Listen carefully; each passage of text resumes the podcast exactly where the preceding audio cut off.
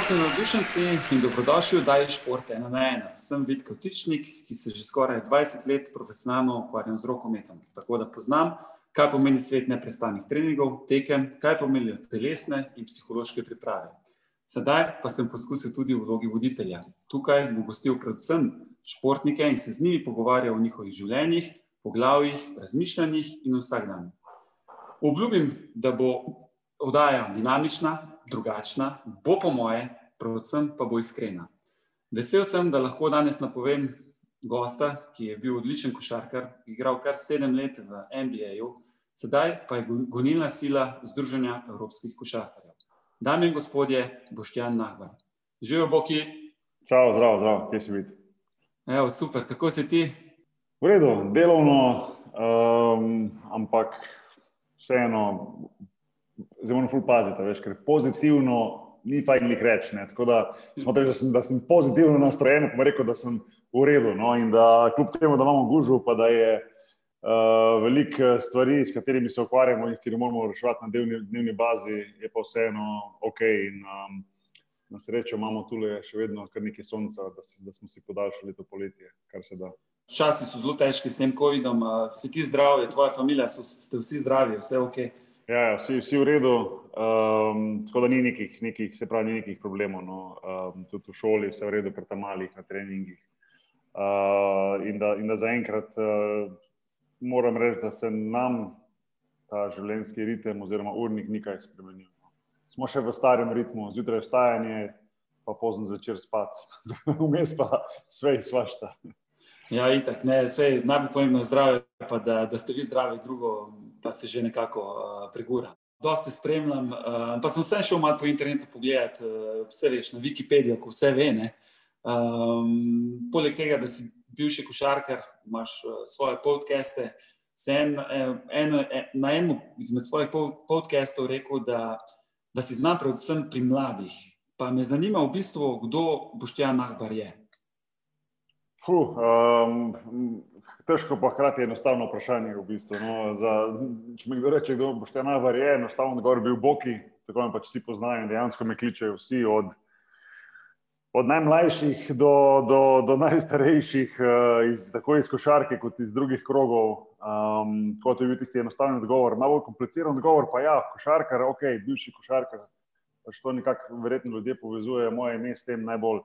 Um, čeprav um, v zadnjem času opažam, da, da me zelo pozitivno preseneča, no, da veliko ljudi, ko se, ko me, ko, s katerimi se srečam v, v Sloveniji, mi rečejo: O, Boki, kje si zdaj, super podcast, super podcast, pred kariero, pred ne vem, dosežki, karkoli. Um, tako da, ja, mogoče podcaster kot, kot drugo.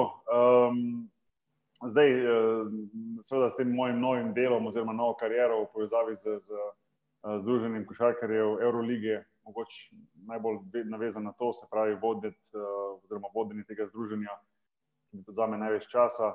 Um, ampak v prvi vrsti pa, pa seveda, oziroma najpomembnejše, Ata, ne vem, uh, mož, družinski človek, um, sploh zdaj po karieri, 24-7 doma. in, uh, in, in bi bilo mogoče najboljše vprašanje, kdo sem za domače, pa ti bi znali oni točno prav povedati. A, mogoče bomo pa kdaj uh, tvojo ženo vprašali, če kaj več povejo o tem. Ja, ja, ja. Da, če manj eh, časa je, da, da se pripravi, bo najboljši. ja, ja. ob, ob treh zjutraj, moraš nekaj povedati. To, to, to, to, to, to. to. z njim naenkrat, pa takoj prežgem, pa snimaš.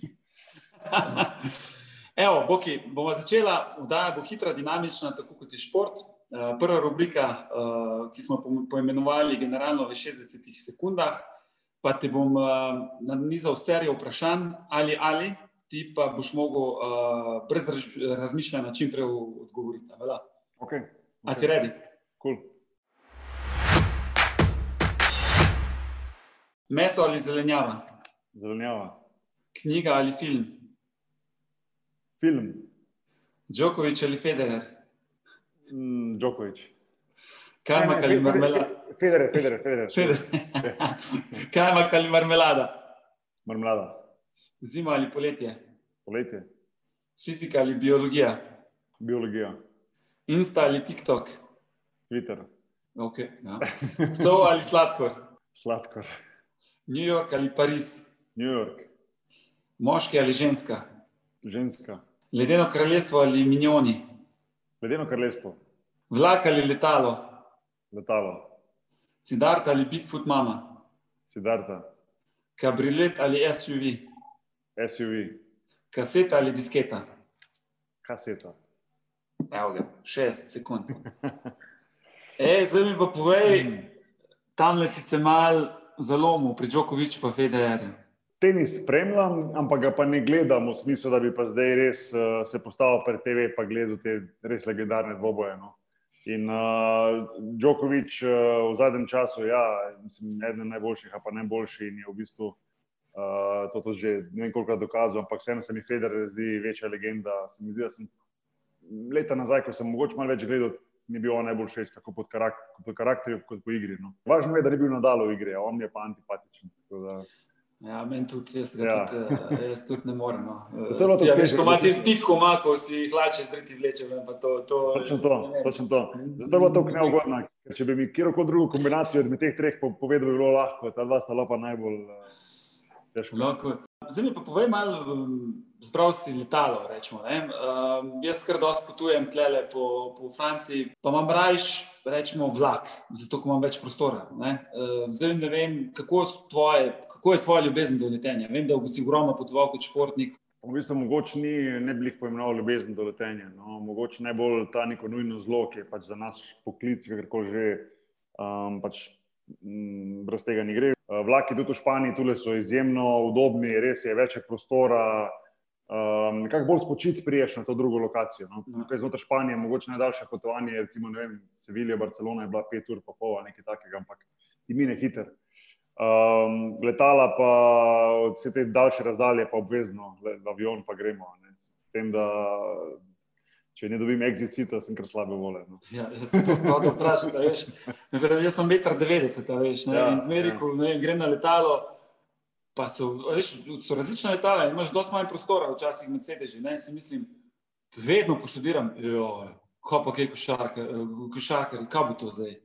Ja, ne, se- Kje, kje sedijo? Ne? Pa ne eden, veš, da moraš ti videti košarkarsko ekipo, ko se spravi na avion in imajo v kakem nabitem avionu, sedeš en po en zraven drugega in po možnosti še ni možno dobiti exit-cita in to je pač, eh, ko, če bi šel recimo na zadnji del aviona pa pogledal dol po tisti, tistem koridorju, a ne, v bistvu noge so vse počes, ker pač ne gre in potem si sam predstavljaš, koliko je to enih vzdihljajev, pa pogledal, ko oni vozičke vozijo gor pa dol, veš, in se moraš umikati, pa vstati, pa premakniti. Um, tako smo imeli kar nekaj teh situacij v karieri, ko smo v bistvu zelo težko potovali. No. Um, Exit pomaga, no, tako več. Sploh če si Ja, ja, valjda, 90, pa ja. več, sigurno. sigurno. Ne, itak. Zdaj pa nekje sem sledil tudi, da imaš ti um, zelo, zelo rad vesolje. Malo nenavadno, ne, mislim, mi športniki pač imamo ponavadi radi vem, šport, pa mislim, vem, zamišljamo drugačne stvari v glavi. Ampak ti imaš pa rad vesolje. Zakaj? Uh, to, to izhaja iz otroštva, ven, ko me je vedno nekako privlačilo to gledanje gor, pa zvezde, pa se učiti o tem, ne, koliko je to dejansko veliko, kaj vse je v vesolju, kaj so te pike, ko jih vidiš po noči in, in tako naprej. In, in to sem nekako pol prinesel v, v pač svojo iz, iz otroštva ven, v, v odraslost. In um, še zdaj večkrat, uh, pred zadnjim, pred zadnjim sem bral eno, knjigo o tem o fiziki, vesolju, pa to, pa nikoli nisem malo preveč fizike, ampak so stvari, ki me zanimajo in stvari, ki um, me privlačijo in ki se mi zdi, da je vedno nekaj novo odkritje, vedno nekaj novega. In, um, tudi največkrat uh, ali berem ali poslušam ali pa gledam po televiziji kakšne dok- dokumentarce, ki so v zvezi z vesoljem. Se mi zdi, da je toliko stvari po eni strani raziskanih, po drugem pa neraziskanih, da je vedno nekaj novega, kar se lahko naučiš. In, in zato mi je to bilo vedno tako fascinantno, pa tako zanimivo. Uh, Pa kot otrok sem imel neko, neko, vse nekaj časa, neko živ, ludo idejo, da jaz bom pa enkrat astronaut. Sem Da, pol, ko sem videl, da, da, da bo rast šla nad 1,80 m, tam že v enem šestem razredu, sem to pol hitro prečrtal, ker sem rekel, da astronauta dvometrskega dobe ne bo gor vlekel. E, čakaj, ima, mogoče pa prvi astronaut, ko bo šel v vesolje, ko bo na dva, dva metra. Lej, Nikoli ne veš, veš. To, to je res, ampak kot vidim, so vsi, uh, vse te razne od nas, pa naprej, tudi zdaj, recimo, vem, Elon Musk, Musk z svojim SpaceX in tako dalje. Um, vsak gram šteje, veš, in vsak centimeter šteje. Tako da sem žal mogel na, to, na te sanje pozabiti. No. Tako da si ne dajem otvar, da bom kdaj videl Zemljo iz unga drugega zornega kota. Mogoče, pa, mogoče boš pa veš, Star Trek v te fore, ko se teleportiraš v bistvu. E, to, ven, to, to pa zdaj, to pa zdaj so, že, to so pa next level zadeve. Ja. To pa treba še malo počakati, upam, da bo ta tehnologija v naslednjih nekaj desetih letih. Ja, ker jaz sem v bistvu tudi zelo rad imam vesolje, pa full rad gledam te science fiction filme, pa serije, pa vse. Ne. Tako da ta, jaz moj, moj najljubši film Interstellar. Naprimer, moj, en, en, moj, en moj najljubših tudi. Da, ja. ker, ker je v bistvu, potem se šel prav kritike brati in, in v bistvu so vsi dejali, recimo, večino kritik je takih, da, da je v bistvu to vse mogoče. In, in, in je bilo res meni to fascinantno, no. če ja, je to res mogoče fizika, cela fizika, pa cela zgodba za tem filmom je v bistvu, da je, zdaj sem spomnil imena, ampak eden od teh glavnih astrofizikov v bistvu je vodil ta film in ta koncept vsega, kaj je možno, kaj ni možno, gledano iz, iz vidika, kaj je do zdaj nam znano.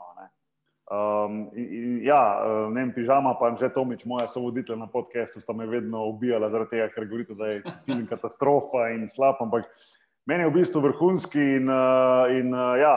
Um, vedno, ko ga vidim na televiziji, ga, ga pogledam. Ampak eh, ne, hotel sem še to reči, da uh, se mi je dogajalo v bistvu tudi na kariero, no, da sem blisko s to vesolje, pa te branje o tem, pa gledanje tem, kako se uspel tudi izklopiti te košarke. Se mi zdi, da je ful pomembno, to sem večkrat že omenil v intervjujih.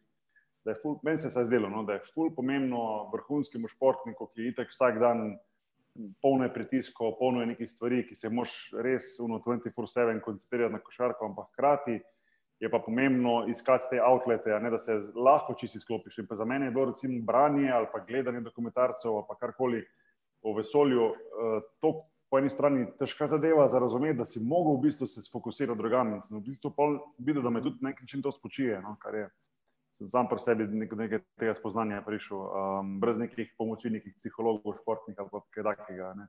Zdaj, ko vemo pa nekaj več o tepnu. Eh, pa da imamo pogled v preteklost, pa se ozriva malo v prihodnost uh, in čas je za novo rubriko. Okay. Videl uvid. Povej mi, se spomniš Bokija deset let nazaj? Kaj, kaj si počel, kaj si razmišljal, si se že pripravljal na, svoje, na svojo kariero, po karieri? Kariero po karieri v bistvu ne, um, to ne, to ne morem reči. Um, takrat sem igral v Istanbulu, to vem, leta 2010, uh, eh, vse tam od 2009 do 2011. Um, v bistvu, ja, lik se mi je rodila prva hčerka Tara, eno leto prej, um, na novo spoznavo te neke občutke, pa dožnosti, ki jih imaš kot, kot mlad Ata. Uh, po drugi strani pa še vedno um, nekako upor na povratek v Ligo NBA. No, to je bilo tisto obdobje tistega zadnjega okna, ko bi lahko se vrnil v Ligo NBA. Tudi sem bil več kot, oziroma manj kot en korak blizu temu. Uh, in tako da nekako to, to obdobje teh desetih let malo povezujem s temi stvarmi. Si zadovoljen to, kar si dosegel v tvojem življenju? Imaš kakšno, mogoče kakšno obžalovanje? Mi je žal, ja, da nisem ja. Ja, tekmo več zmagal. Kak je, uh, ne vem, spoh recimo za reprezentanco osvojiti medaljo, ta je bila velika. Ne, potem normalno v Ligi NBA niti nikoli nisem bil v poziciji, da bi lahko recimo se boril za šampionski prst. Nikoli nisem bil v bistvu v ekipi, ki bi bila dovolj dobra za to. Uh, V Evropi sem, se spomnim, v kolikih štirih ali petih državah uspel postati državni prvak, kar je bilo tisto največ, edino, kar mi je zmanjkalo na koncu zmagati Euroligo, igral sem pa dvakrat Final Four. Da, um, ja, ampak se veš, kako je pri skupinskih športih, ni vse odvisno od posameznika. Ne? In, in, in doskrat je kakšna poškodba svojega igralca ali pa napačna odločitev, ali pa tvoj zgrešen met in je. Ja, zelo malo je potrebno za opisati. Ja, ja, zelo tanka linija. Ja. Nisi samo odvisen od sebe. Mislim, če bi eno stvar spremenil, glede svoje kariere, je to, da bi v bistvu dlje ostal v Ligi NBA, preden sem se vrnil za Evropo. Ampak v tistem momentu, takrat leta 2008, če se ne motim, um, sem naredil pravo odločitev. No. Edino, kar takrat nisem vedel, da mogoče v tistem momentu bilo boljše počakati. Ampak tega nazaj gledati, pa to spremenjati, oziroma gledati drugače na to, jaz takrat nisem vedel, to, kar vem zdaj. ja, tako pač. Vsi, vsi rastemo z, ali s svojimi napakami, ali pač življenje, ki nas nauči. Tak, da, ampak zgledaš zadovoljen. No?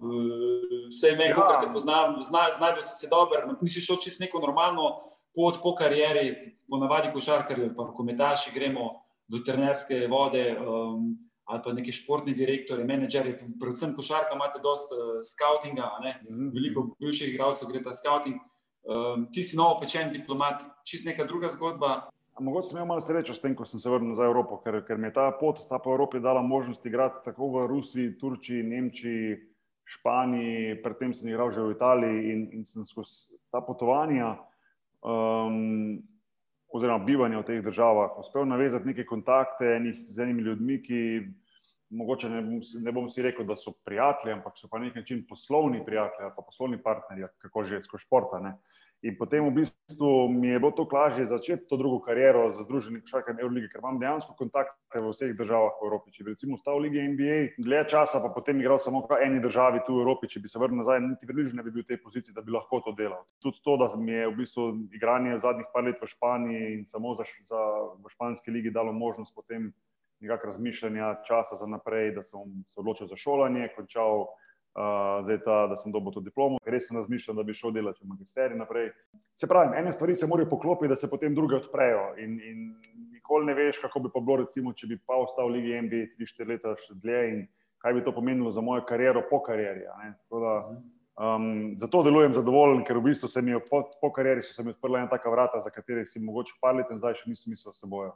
Jaz rad poslušam tvoje podcaste, tako da mislim, da si, da si fajn zbral svojo kariero po karieri. Ja, Evo, zdaj pa, če gremo iz preteklosti, gremo zdaj v prihodnost. Zdaj, če, kaj, kje boš ti čez deset let? Vem, da boš približno pri Abrahamu. Ne? Ja. Rečemo, neka, neka, neka prelomnica v življenju, tako pravijo, jaz ne vem. Ampak kje se ti vidiš, rečemo, čez deset let? Ja, um, no, zdaj preko še meni, da turnerske vode nisem šel, to je res, nikoli mi nikak ni privlačilo, um, da bi bil trener, čeprav nikoli ne reče nikoli. No. Um, ampak spoh ne, da bi vodil ekipe, pa profesionalne ekipe. Se mi zdi preveč stresno in preveč um, zahteva, preveč časa. Um, se moraš biti res 110% posvečen in, in vidim pri ostalih mnogih trenerjih, kako potem v bistvu osebno življenje, družina in vse to ostalo trpi in to mi nikoli ne bo všeč. Um, Tako da to ne, ampak vodenje ekipe, se pravi v, v front officeu, kot rečejo v Ameriki, oziroma pač kot, kot biti športni direktor, čeprav mogoče ta, ta pozicija pri nas ni, ni najbolj opisana, to, kar želim povedati. Ampak v Ameriki v MBA reče general manager, to je v bistvu nekako res, ker se obadaš le in samo s tem, kako se staviš ekipo in kako pač zmagaš, če veš tekem. To me, to me zanima, to me je vedno zanimalo, tudi na tem področju se izobražujem, to me bo zanimalo še naprej. In, in Ne vem, če bo žena pustila, da se kdaj kadarkoli vrnemo nazaj v Ameriko, pa bom, bom razmišljal, da bi naredil NBA kariero, v bistvu po karieri. No, to je nekaj, kar je edina stvar, ki je en tak cilj, ki je, bil, ki je za me še zaenkrat nedosežen, pa ki si ga močno želim. Ampak uh, prioriteta bo vseeno imela vedno družina, oziroma to, da se imamo mi fajn in če, če ne bo priložnosti, da hkrati tudi to lahko zgodi, potem pač tega ne bom nikoli naredil. To sem že nekako sam po sebi rešil. Jaz sem zadnji dokument, dokumentar zgledal, da je ta The Last Dance od Michaela Jordana. Mm -hmm. Pa me zanima, kaj bi ti posnel vse to, ali film, ali če bi nekdo v tebi snemal, kaj bi bil, kak žanr bi imel tvoj, bi bil Space Boki. Mislim, prva stvar, ko pade na misel, kakšna drama, sem drame so težke. Jaz ne bi rad, da folk uh, slabe volje gre pol stran od televizije ali pa iz kino, tako bi gledal film o meni. No. Um, tako da bi mogla biti neki. Uh, neka tragikomedija, nekaj, nekaj, kar je še smešno, zelo pa je za banke. Ker... Pa da se v vesolju dogaja, pa strela. Mislim, pa mi je bilo, no, da je vsaj nekaj iz tega. Ampak, eh, ampak samo veš, da, da v bistvu spohaj v ekipnih športih, da je tu toliko enih dogodivščin, toliko enih zebanci, toliko enega heca, toliko enega smeha, da bi se znale te anekdote um, spraviti na kak film tudi. Um, pa večkrat me ljudje vprašajo, da je povej kako anekdoto, povej to uno tretje, ampak problem je v tem, da se težko spomniš, kar iz glave, da mora biti pravi ambient, pa prava družba, pa, pa kar samo pride v največ iz galeta. Ja, te čiste, ej, to te pa čisto zastopim. Ko mi en reče, veš, ko imaš intervju. Uh, no, zdaj pa povej eno anekdoto iz tega Evropskega prvenstva. Uh, ja, točno to. Kjer, ne vem, pa, kaj naj ti povem. Ne? Pa, pa sploh, če je nek resen intervju, pa skozi neke resne teme, pa pa malo priješ na neko ali ekipo, reprezentanco in potem, ja, pa kakšna anekdota. Ja, sorry, ne morem, mi nismo zdaj v elementu, da ti bomo stule za bance gor, ker smo se pol ure pogovarjali o resnih stvareh novinarje, mislim, veš. Ja, itak, pa ne, pa tudi ne moreš, zato ko nekatere anekdote so pač anekdote, ki jih ne deliš, ne, ne moreš deliti z drugimi. Ne? Ene Oziroma, dosti takih. Ene ja. sigurno ne grejo z garderobe nikoli ven, to je sto procentno, no, pa, pa si bo marsikdo mislil, oh, kaj to bilo strašnega, ampak ne, ene so iz, iz respekta do svojih igralcev, Pa je lajvo tudi čist nedožno, ampak iz respekta do svojih igralcev tega nikoli ne poveš izven tega kroga. Ne? So pa tiste ponad najboljše. No. Res je. Ja. no, se pa gremo iz preteklosti, pa malo smo pokomentirali tvojo prihodnost. Um, da gremo pač v tvoje vsakdanje življenje. Ne? V rubriki te lahko bolje vidim. Zdaj, trenutno živiš v Španiji, prej si živel v Sevilji.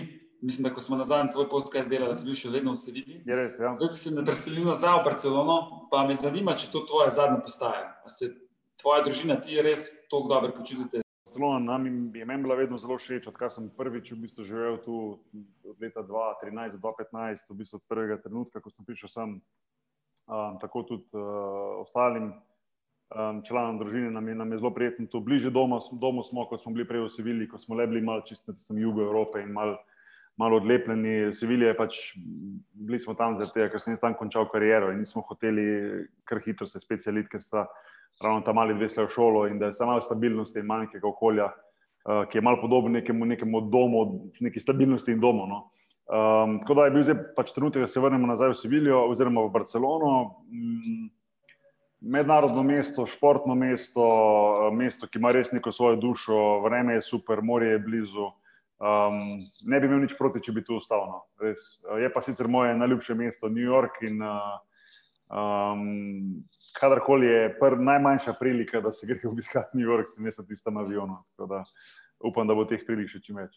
Kaj pa zgleda, rečemo, tvoj vsak dan? Imáš ogromno stvari. Ja, no, zdaj, zdaj je mogoče res malo specifično, seveda, zaradi te situacije. Ne, pač ne potujem toliko. Drugač, eh, no, če bi bila situacija, recimo, temu normalna, bi jaz ogromno potoval do vseh 18 ekip po, po Evropi in, in obiskoval in, in delal z igravci sestanke in, in z, z, z klubi sestanke in, in tako naprej.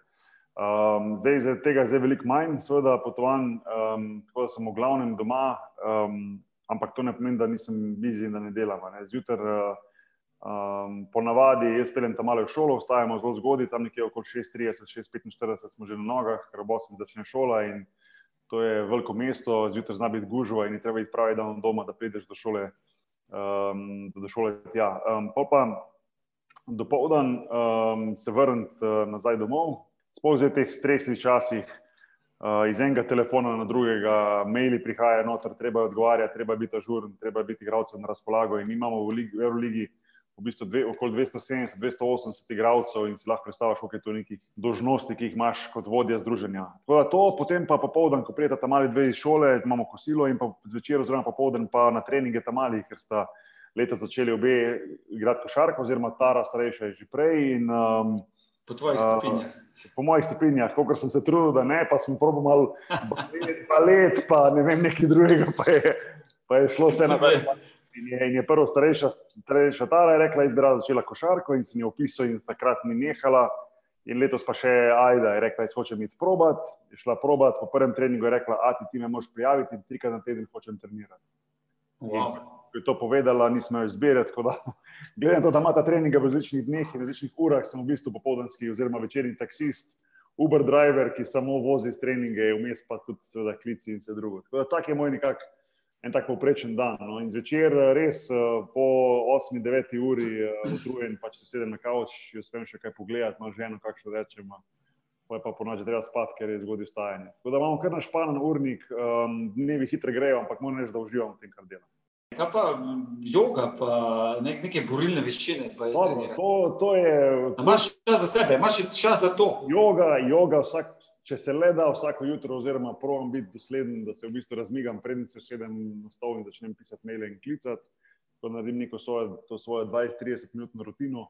Uh, brazilski žužico pa zdaj treniram že dve leti, zdaj sem modr past, tako da napredujem. Um, ampak to je pa tudi, kadar mi čas dovoljuje. Včasih dvakrat na teden, včasih enkrat, včasih pa tudi po kak mesec, ne, ker je odvisno od, od urnika, ki ga zahteva pač uh, združenih igralcev. To je pač prioriteta.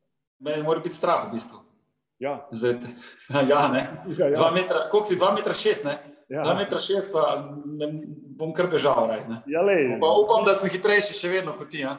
Ne se, ne se skrega z mano, tudi pač priporočam. Vse to, ja. Prijateljsko. Po si rekel, da imaš pisarno v bistvu.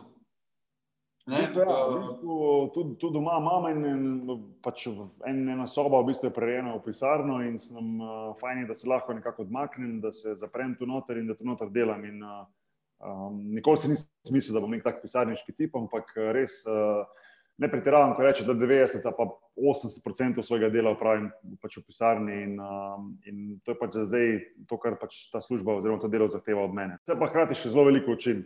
In davč od tega, da, da sem jaz nek uh, ne končan produkt ali pa nekdo, ki vse ve, niti približno ne. No, v bistvu so bili začetki kar zanimivi pred dvemi leti, oziroma zdaj že malo več kot dve leti, ko smo začeli s tem druženjem, ki je v zelo kratkem času naredilo zelo veliko, vel, veliko veljavo in postavilo postavljen tak pomemben faktor v evropski košarki, ampak imam še ogromno se zanočiti in, in predvsem uh, znati se prilagajati, pa znati uh, pravi moment ugotoviti, kdo ti govori resnico, kdo ti pa laže, pa hoče izkoristiti. To je tega v biznisu ogromno in je v bistvu mogoče celo najbolj pomemben del tega posla športnega.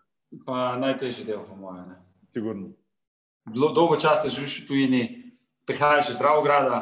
Ja. Um, zanima me, v katerem jeziku v bistvu ti razmišljaš, sanjaš, ko ne vem, moš nekaj napisati na hiter na listek, a si napišeš v katerem jeziku. O, v drav, mislim, napisati si ne moreš v dravograjščem dialektu. Ne? Grta dolga, to ne gre. Ne? A, ta, je, ta, je težka, no. ta je težka. In tudi eh, bi, bi lagal, če bi rekel, da, da razmišljam v, v koroškem eh, narečju. No. Um, čeprav ga še vedno dobro znam in ne, ne, vedno, ko gremo na koroško, ko se pogovarjam s komu tam mi zanese, pa znam jaz fajn še govoriti. In pa tam mali dve pogledata, pa rečeta, a ti, mislim, mislim, da ti znaš tako fajn koroško govoriti, se neko, ja, to se nikoli ne pozabi.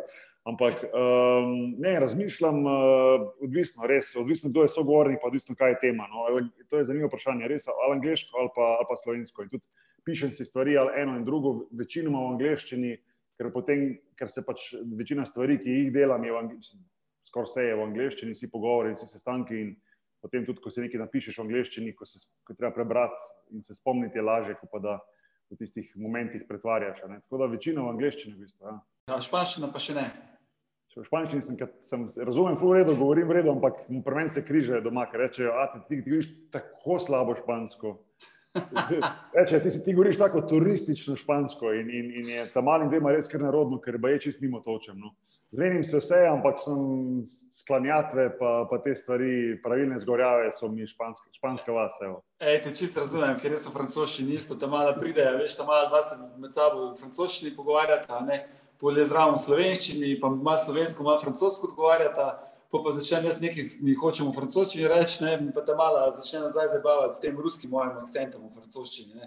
Pa jaz gledam, si mislim, da ima mala, da je no. Se to je vse. Ker tam mali začnejo provocirati, pa zabavati, veš. In, in... To, to, to. Ne, hotel sem to reči, da, da francoski je pa meni naj, mogoče najtežji jezik. Jaz znam recimo nemško govoriti um, čisto ok, da mislim, razumem, razumem res v redu, ampak francoščina mi je pa jaz ne razumem tistih besed, ko je nekaj napisano, da je IOU. X, kako to izgovoriti, in, in te stvari, jaz to, to ne morem. Jaz, to je... ja, Fulje besed, mislim, naučiti se moraš nekaterih pravil, veš, polkrat gre. No, ampak je pa res, meni je največji problem ta, da, da besedo, ko napišeš, ne, ne, dve, tri črke, na koncu sploh ne izgovoriš. Ne. Se to, se to. Ja. Mi smo Balkanci, piši, kaj govoriš. Ne, veš, to je, ne, ne in popriješ v ta svet, ne, in sam gledaš, uh, ok, kaj pa zdaj. Koliko si let zdaj skupno v Franciji? 12 let. Ja, ja. Okay. Sam jaz še ne razmišljam, mislim, jaz še ne sanjam o francoščini. Dobro. Evo ga, zdaj, ko smo zvedeli tudi, kaj delaš vsak dan, pa smo se malo pogovarjali, sledi rubrika Vidovi, miti in legende. Najprej mitu tema, ne, da športniki nikdar ne razmišljamo nismo razmišljali o tem, kaj bi bili, če ne bi bili športniki, oziroma vrhunski športniki. Ne? Pa me zanima, kaj bi bil Boštjan Nagbar, če ne bi bil košarkar. Je to ful, ful težko vprašanje. Mislim, da najverjetneje bi bil novinar. No. Zdaj, katero področje bi pokrival in kaj dvomim, da bi to bil za njih športni novinar, ampak to mi je nekako bilo najbolj, no, ker sem bil vedno tak uh, zvedal, pa vedno me je to stvari zanimalo. Pa se imaš podcast, verjetno si tu, mislim, ja, tudi, ker te to zanima, si šel v podcast. Uh, in je top. Ne? Sigurno, sigurno, to je povezano s tem, absolutno. Tako da je verjetno novinar. No. Ne vem pa, se pravi, ne vem pa, kaj bi pa, katero področje pa, pa ne vem. To pa, to pa, to daleč pa še nisem prišel. Ej, kaj pa ta mit, rečemo, um, da, ki pravi, da mnogi igralci NBA po koncu karijere v bistvu bankrotirajo. Je to res ali ni res? Uh, ja, v bistvu so bile včasih veliko večje številke kot zdaj. No, um, Sploh za tiste igralce, ki so v bistvu še mogoče malo pred mano nehali igrati v tistih obdobjih, tam okoli 2000, 2005, 2010, so te številke bile res zelo visoke, no? ker so tudi takrat poskočile zelo um, pogodbe v lige NBA. In enostavno, igralci niso imeli um, dovolj znanja ali pa dovolj izkušenj, ampak niso bili pripravljeni naenkrat na take vsote. In je bilo masa enih napačnih odločitev, pa tudi cel, rekel, cel način odraščanja v Ameriki in dosti ljudi, oziroma dosti igralcev, ki prihajajo iz teh. Res, rekel, revnih okoliščin, ki imajo za sabo ne svojo ožjo družino, 50 ljudi, ki se jim nekako, moramo uporabiti grdo besedo, prelepi na njih, ne, in potem v bistvu od njih hoče vedno več, ali pa vedno isti denar, denar pa ni vedno isto, vse kako je pogodbe, so enkrat večje, enkrat manjše, enkrat jih ni več. In vse to se je to dogajalo. Tako da uh, to je bila prav neka taka resna, resen problem znotraj lige NBA in zato je lige NBA bilo sploh v zadnjih letih, pa v zadnjih desetletjih, no, moram reči, narejeno ogromno na izobraževanju, na finančnem izobraževanju igralcev. Tako da zdaj vidimo v bistvu manj teh zgodb, jaz mislim, da te številke zelo močno padajo in uh, tu gre za zasluge predvsem Združenih košarkarjev v, v Ligi NBA, da so v bistvu šli zavestno v to, da pač ustavijo ta problem.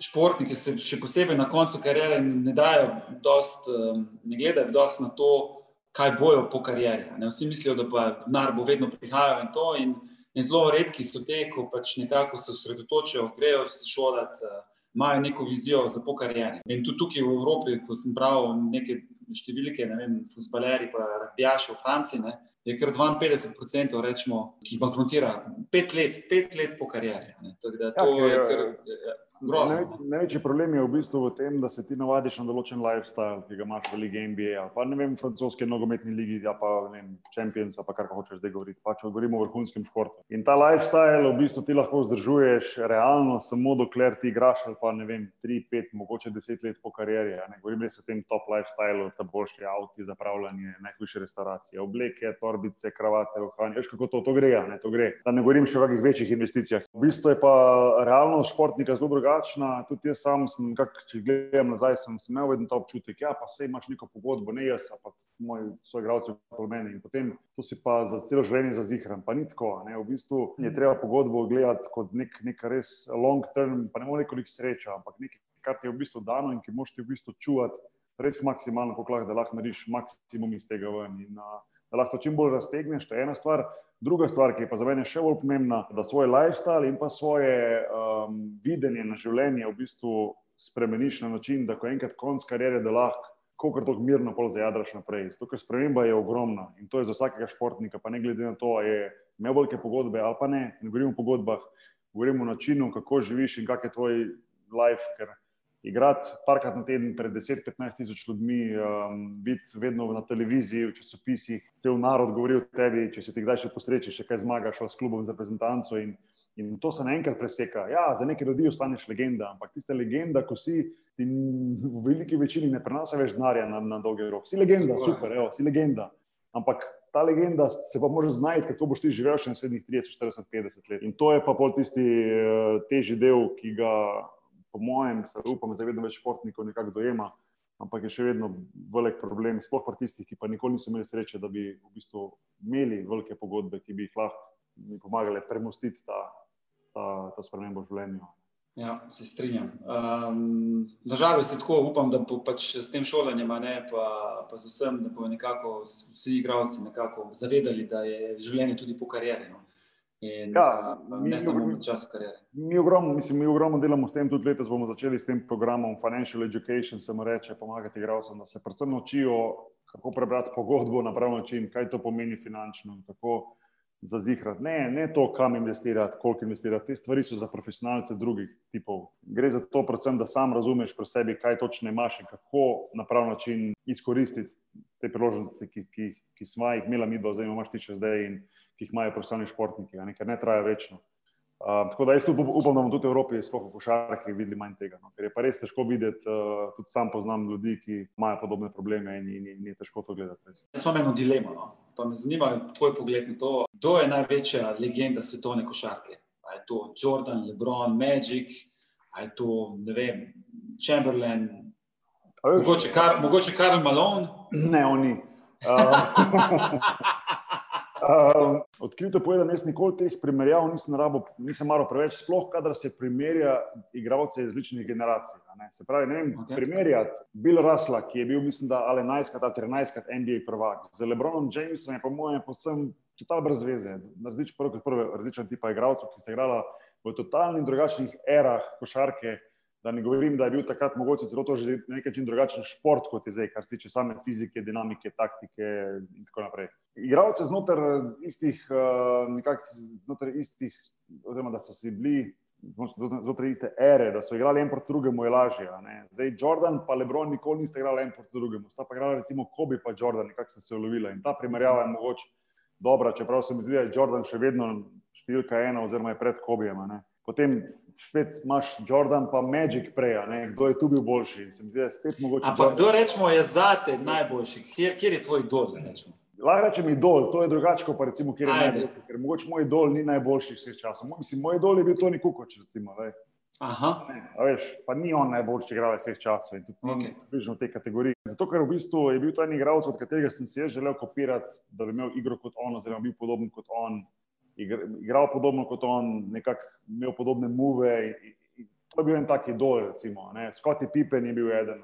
Ni nujno, da bi moj idol Michael Jordan, čeprav jaz ga smatram recimo, za enega najboljšega, pa najboljšega vseh časov, ampak primerjam ga pa ne rad z vsemi temi ostalimi legendami. E, kaj pa rečemo v slovenske legende, rečemo, rečemo te, ko so na D, rečemo Daniel, Dragič, Dončić.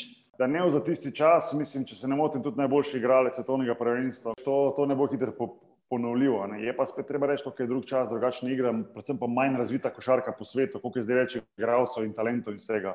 Uh, mislim, za mene je Ivo Daniel kot nek uh, um, Bill Russell lige NBA, veš, legenda, ki je bil res postavil ta, ta menik zelo visoko. In, in čeprav jaz ne morem, mislim, bi se bi lagal, če bi rekel, da sem jaz pa zdaj od Iva legenda gledal tekme, pa da mi je bil dol, pa sem od njega kopiral. Ne, ker je prevelik razmak med, njamo, med mano in njim. Ime pa poznamo, odkar sem bil mali klinci, da, da gre za legendo. Ne. Mislim, kar ste pa potem, ko si pomenil Gogija, pa, pa Luko, sva, ta dva igralca sta pa že zdaj v bistvu v samem vrhu svetovne košarke in uh, treba samo počakati, da se upokojita, pa potem dobita status legende. Takoj. Tudi Ivo Dneva nisem jaz nikoli gledal, ampak mi je moj trener. Rokometni trener, zelo mir, vse rušiš, ne stara, jugoslovanska mhm. garda. Smo se nekaj na košarki imeli in mi je rekel: ne, ne, ne, noben drug, da ne. On je kjerkoli, on kjerkoli šel, kjerkoli je vrgo zadev. Sploh ni bilo. Je rekel, to je bilo neverjetno. In to, da ti pove nek staro jugoslovanski, ne, za nekega, za nas slovence, ne, da je slovenca rekel to, je, da, uh, je, men, mislim, je, je, je res to. Sigurno. Kaj je pa recimo v rokometu, kdo se pa smatra recimo za tvojega, ali, ne, ali, da, ali rečeš, ta je najboljši vseh časov, pa kdo je tvoj idol, recimo, kako imaš to e, razdeljeno? A veš, da jaz uh, zelo težko, isto kot si rekel, zelo težko rečem zdaj. Uh, bilo je veliko primerjav, kar Batič, Balič, ampak potem imaš spet obramba, napad, vse, veliko je teh stvari notri, ki jih ne moreš. Naprimer, moj idol je bil Michael Jordan. Zanimivo, je to drug šport. Pa... Ja, čist drug šport. Pa, naprimer, jaz, sem, jaz sem se zbudil zjutraj, ne, da sem gledal tekmo. Pa vse tistih 10 minut, 15 minut, samo da sem videl, kako je metal na koš. Pa, vem, veš, to eksplozivnost in vse. Ne, cel šov za njim. Ko sem bral en rečemo, intervju, ko je imel, ko je, zakaj je vedno tako, ima tak performance. Ne? Je rekel, jaz se dobro zavedam, da, da je nekdo v tej dvorani, ki je prišel samo zaradi mene, rečemo, en od otrok ali pa ena odrasla oseba. In vem, da nikoli več v življenju me ne bom mogel videti. Jaz se trudim za te ljudi. Ne? In to je meni ostalo takrat toliko v glavi in res vsa časno, res. res ja ti si športnik, ki dame, da je v bistvu privilegiran, da lahko nastopa pred ostalimi, se mi zdi, da ti ima možnost daleč pridno, kot nek tak eden od predpogojev. Se pravi, um, vrhunski športniki v bistvu se igrajo dejansko zaradi navijačev, oziroma to, da, smo, da sem jaz usvojil, kar sem, pa da si ti, kar si, je v veliki meri treba se zahvaliti tistim, ki podpirajo ta šport kot navijači, ker brez njih nas ne bi bilo, res ne. Da, do, do navijačev sem vedno imel nek tak posebno, posebno odnos, v smislu neke zahvale in, in zavedanja, da, da, da, da sem jaz imel to, kar sem imel tudi zaradi njih, oziroma veliki večini zaradi njih.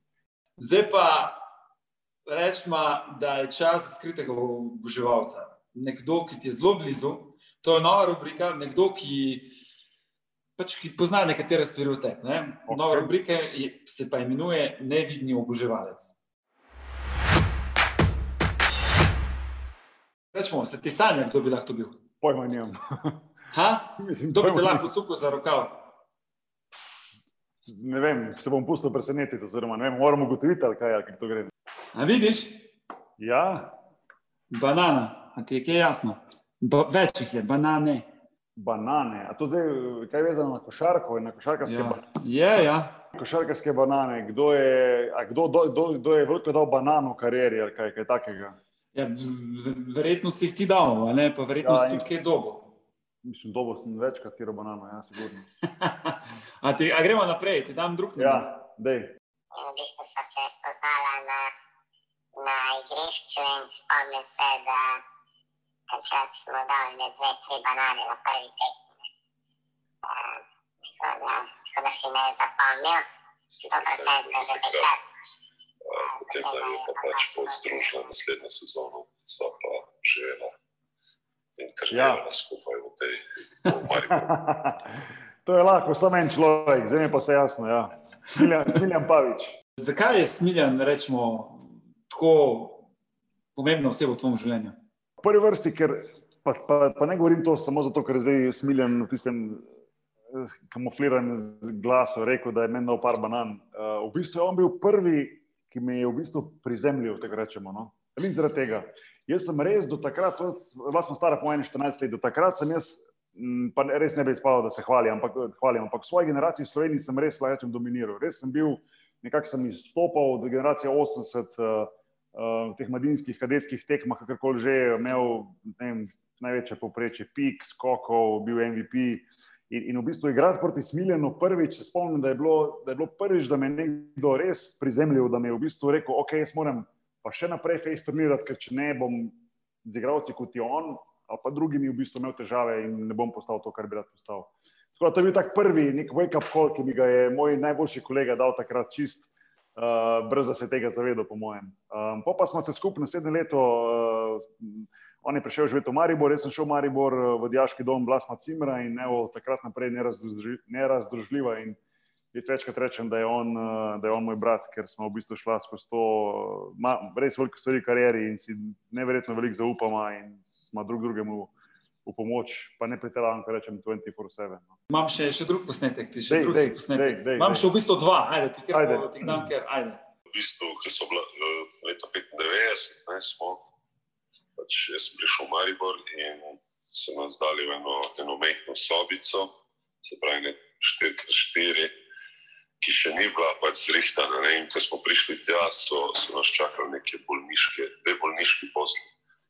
Tako da, tako da smo, uh, ne vem, kakšne dva tedna smo spali na bolniških poslah v, tej, uh, v tem dijaškem domu, in nam pol so pa ker je pa pač prišel še en dvometraž in smo v bistvu šest metrov ljudi, oziroma treh ljudi, spravili v eno sobo. Je bilo tako, da so nam zrihtali eno pograd, pa še eno poslo zdravo. In smo ostali v tej sobi pač dve leti.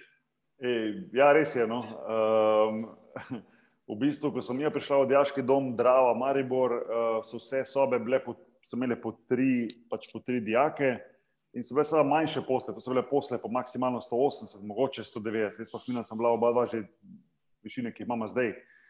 In uh, dijaški dom je v bistvu vrgel ven tiste posle in nam dal noter dve, jaz ne vem, ki so jih dobili, dve bolniški posli, ki sta, vsaj, a veš, tiste pravo z bolniške, ki ima gor Ja. tisto štango, pa trikotnik, pa vse, da se primeš, a veš. To nam je not namontiral, da smo vsaj la- bila noter, da smo spala, dokler niso potem par tednov kasneje po meri naredili pohištvo samo za nas tri dvometaše, dvometaše. potem je prišel še en Matej zraven. Tako da, um, v Je, pa sem slišal, da si se kar hitro zboril za tisto poslo, ki je bilo od spodaj. V bistvu, da Tako se je Smiljan, Smiljan se je žrtvoval za te, je rekel. Ja, uh, nekako sem, ga- nekako sem ga uspel prepričati, da je on na pogradu gor spal. Matej je bil spodaj, jaz pa na svoji posli, ker sem bil pač, ne vem, imel srečo, da je mi kolega Pava to uh, v bistvu stopil, ker on je bil najstarejši v sobi, tako da bi mogli popraviti njegovo. Evo, zdaj ti pa še, tre, še ta zadnji posnetek zavrtel. Z Boštjanom so si delila tudi avto, uh, tako da so najne poti potem uh, zgledali tako, če vsak imel en vikend avto, ki smo šli pač domov in ki sem ga jaz imel. Sva šla pač po zgornji Koroški, iz Maribora po Koroški poti do Dravograda, njega sem odložil in, in nadaljeval pot v, v Velenje. Ne. In naslednji vikend je bilo pa pač obratno, smo šli pa po Štajerski avtocesti do Velenja, je on mene odložil in on šel pač v, domov v Dravograd. To, je to, evo, to lahko v bistvu samo z, z ta pravimi frendi delaš, zelo z brati, da si deliš avto. Ampak ja, zgodba je taka, da smo pač po pogodbi v Mariboru takrat imeli vsak uh, klubski avto, um, ki bi ga mogla dobiti. In mi dva gremo tja v ta avtocenter po avto, s nama so rekli, vajni avtomobili so pripravljeni, pridemo tja in tam en avto čaka. In tisti iz te avto hiše reče, pa to je vajen avto. Sem rekel, ok, sem rekel, moj, jaz pa pogledam tam na voznikovi strani, je bil pa na vratih moj velik podpis, Boštjan Nahbar. Sem rekel, super, ok, kje pa usmiljen avto. Je rekel, ne, ne, se to je od obeh in grem na sovoznikov sedež in na sovoznikom sedežu podpis Smiljan Pavič, tako da so nam v bistvu na meh 200 avto dali enega, brez da bi to vedela. In smo si pa v bistvu celo sezono, celo dve sezoni, se ne vem, pol mogla deliti avto in to je bilo, se pravi, to je bilo zgodbic še pa još. Ja, pa sej, pa sej mal, pot je pač malo sta skrenila, ne pa ste šla. Enkrat več ste mogli ostaviti, pa iti lulat. To, to, to, to sem to, to, to, to, to, to sem prav hvaležen tistim, ki so bili tako škrti, da, da nam niso dali vsakmu svoj avto, ker smo se zaradi tega še bolj šmirali.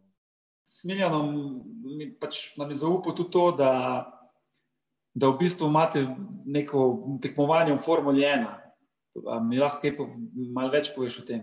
Mislim, dobro, tek, tekmovanje lik ne v smislu, da bi mi tekmovali. Ne, da bi vi tekmovali. Ja. No, pa ena skupina uh, ful dobrih prijateljev, nekih fanov uh, Formule 1 in imamo ja, nek svoj, um, kaj se reče, že, že fantasy league ali nekaj takega, ampak bolj pomembno kot to je, da enkrat na leto vedno gremo na eno od uh, F1 dirk in uh, smo tri, štiri dni tam skupaj. In, um, to je mogoče malo s tem, malo kompenziram to, ko nisem več v ekipi. Veš, si... Pa imaš neko ekipo zraven sebe.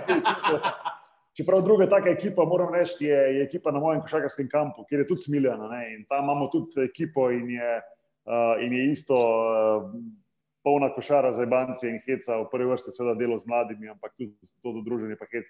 Tako da, ja, no, um, če, če rabiš kaj, kaj koli vedeti o Formuli 1, uh, mene vprašati. Ne, sem zanimiv, to, ali ste še vedno skupaj v sobi, zato ker po, moj, po tvojem stane, zaradi tega, ker ti zbiraš posle. jaz pa smiljam, jaz pa smiljam, spijam, ponavadi rentamo hišo, oziroma stanovanje, oziroma hišo, da zdaj smo vedno no in smo nekako, jaz pa spijam, smo skupno zakonski posli, ja, to je res. E, Kaj pa to zgleda? Kdo koga tepe z rokami? Sliko, sliko naslednjič. Dil. Pa imate tudi pokal, pa vse, ne si rekel. Ja, pokal, vse točke in letos mi dobro kaže, da bi mogoče lahko prvič dvignil ta pokal, no, po ne vem, štirih, petih letih, odkar to delamo. Da, ja, ja. Drži, ja, drži pesti, drži pesti. Drži me. Si pa, si pa vabljen zraven enkrat, da boš videl, kako je to eno zelo. Ne, grem, defi, to pa definitivno. Nisem, no, nisem bil še nikoli na Formuli 1. In, uh, in sem re, vedno rekel, da bom šel, enostavno nisem cajt, da se veš, kaj, ko si, šport, uh, si športnik, nima, nima, ne moreš. Ne? Ampak po karieri pa definitivno. To je, mislim, ena od bucket list imam. In ja. en izmed teh je tudi, da grem, uh, da grem na Formule 1. Lej, in, da, gremo, ne, ne, mi gremo, držimo za besedo. Lej, za mi besedo. gremo vsako leto, gremo, razen letos je bilo malo drugačna situacija, ampak smo se dobili pač v Ljubljani.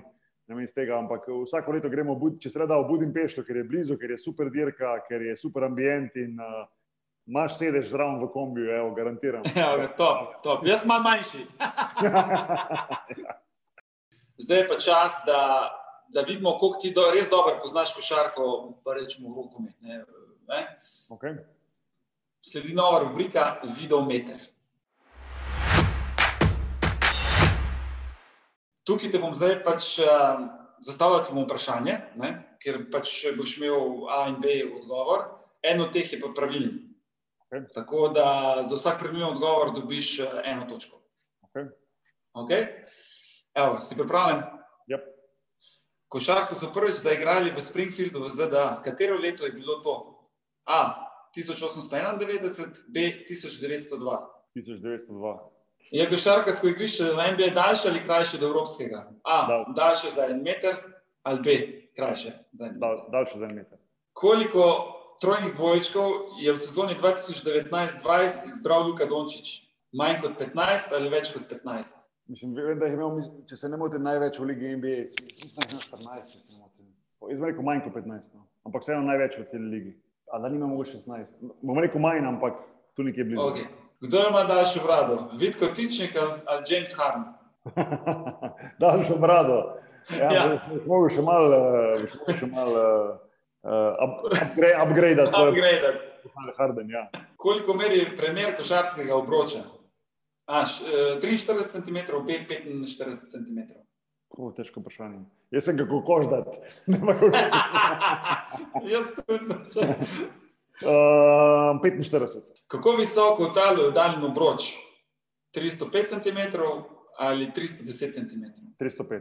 Vidiš, to pa veš. To pa vem, ker sem po mojem skočil od tistega obroča, ne vem, če ne 100 tisoč krat. Ja. Kdo je v karieri slušal več?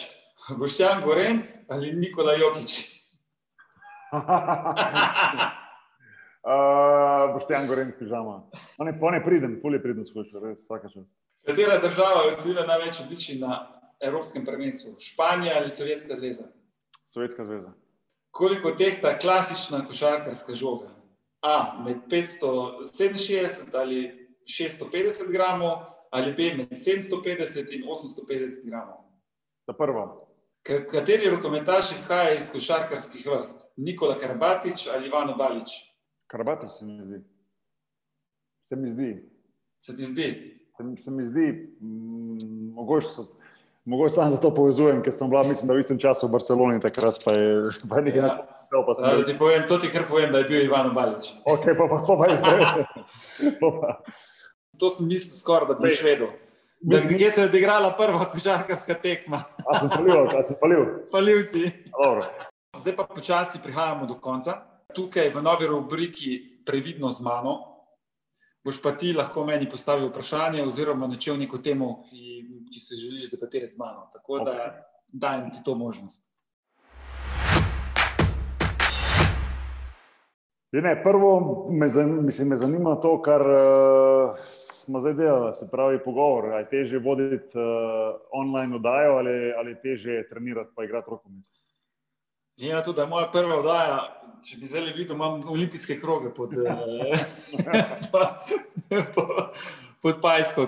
Da, ja, meni mislim, lažje je igrati, ne, valjda, definitivno. Uh, zdaj se preizkušam na novo. Uh, upam, da mi gre v redu, upam, da, da je ok. Uh, tako ti si želim, da bi bilo vedno boljš, eh, vedno sem rad pač v top performanceu, povsod, kar delam, sem, si želim, da je vedno, da dam vedno maksimalno, oziroma da je vedno dobro spade. Tako da, tak da ja, zaenkrat je še vedno teže voditi oddajo. Ja, ampak ti gre, ti gre v redu in, in, in lahko tudi jaz povem, da gre vedno boljše. No, in pol tudi.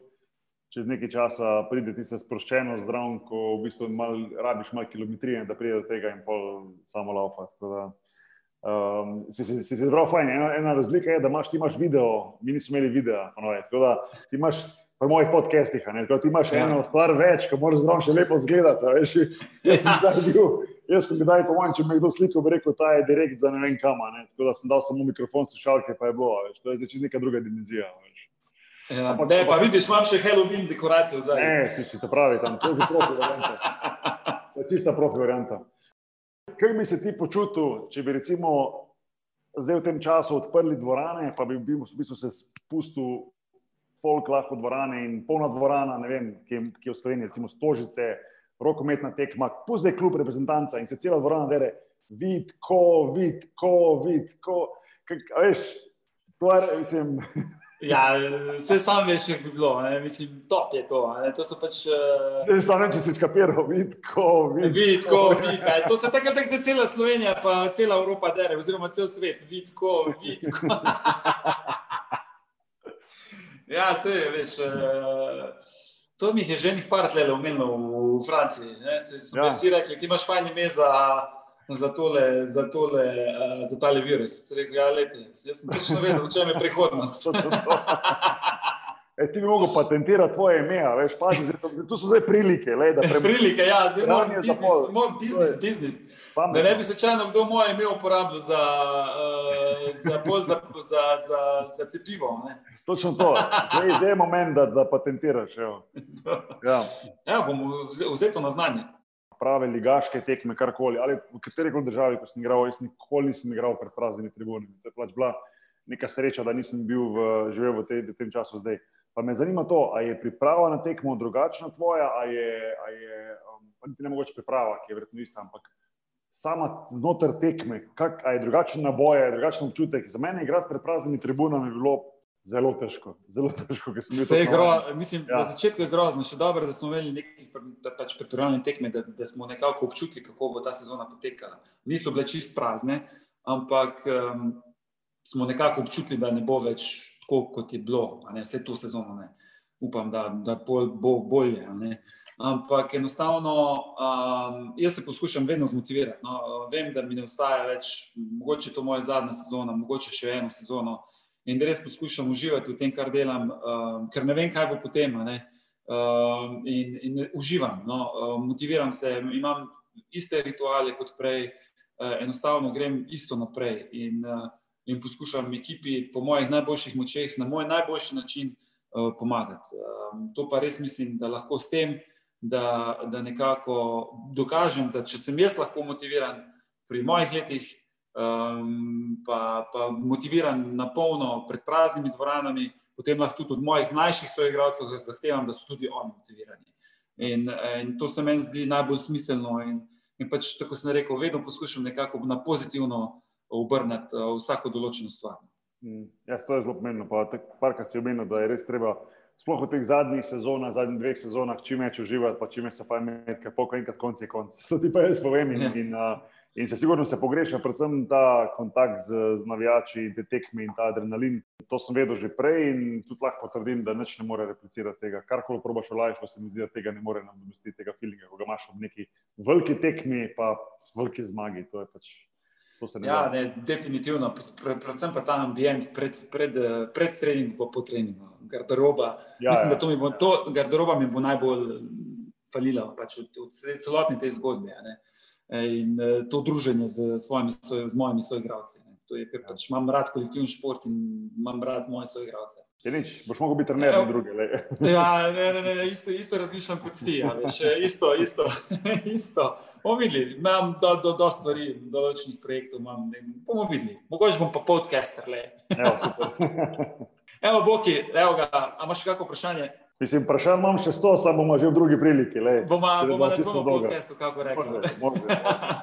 Evo, tako, zdaj smo prišli do konca, uh, Boki, res bi se ti zahvalil, res mi je bilo v čast, da smo, da smo lahko uh, tako uh, podebatirali v moji prvi vdaji, v prvem podkastu in uh, v športu z, ena na ena z vidom. Tako da želim ti res vse dobro v tvoji družini, da ostanete zdravi, midva pa v najkrajši priliki, kaj spijeva, pa kako več rečeva. Obvezno. Tudi hvala za povabilo, um, tudi, tudi tebi in tvojim, le uh, eno super, uh, super leto, čeprav mi gledamo športniki bolj kot sezona, kot leto, ampak veš, kaj mislim. Ostani, Ja. ostanite zdravi, pa uh, maksimalno izkoristi ta del kariere, ki je verjetno najlepši proti koncu.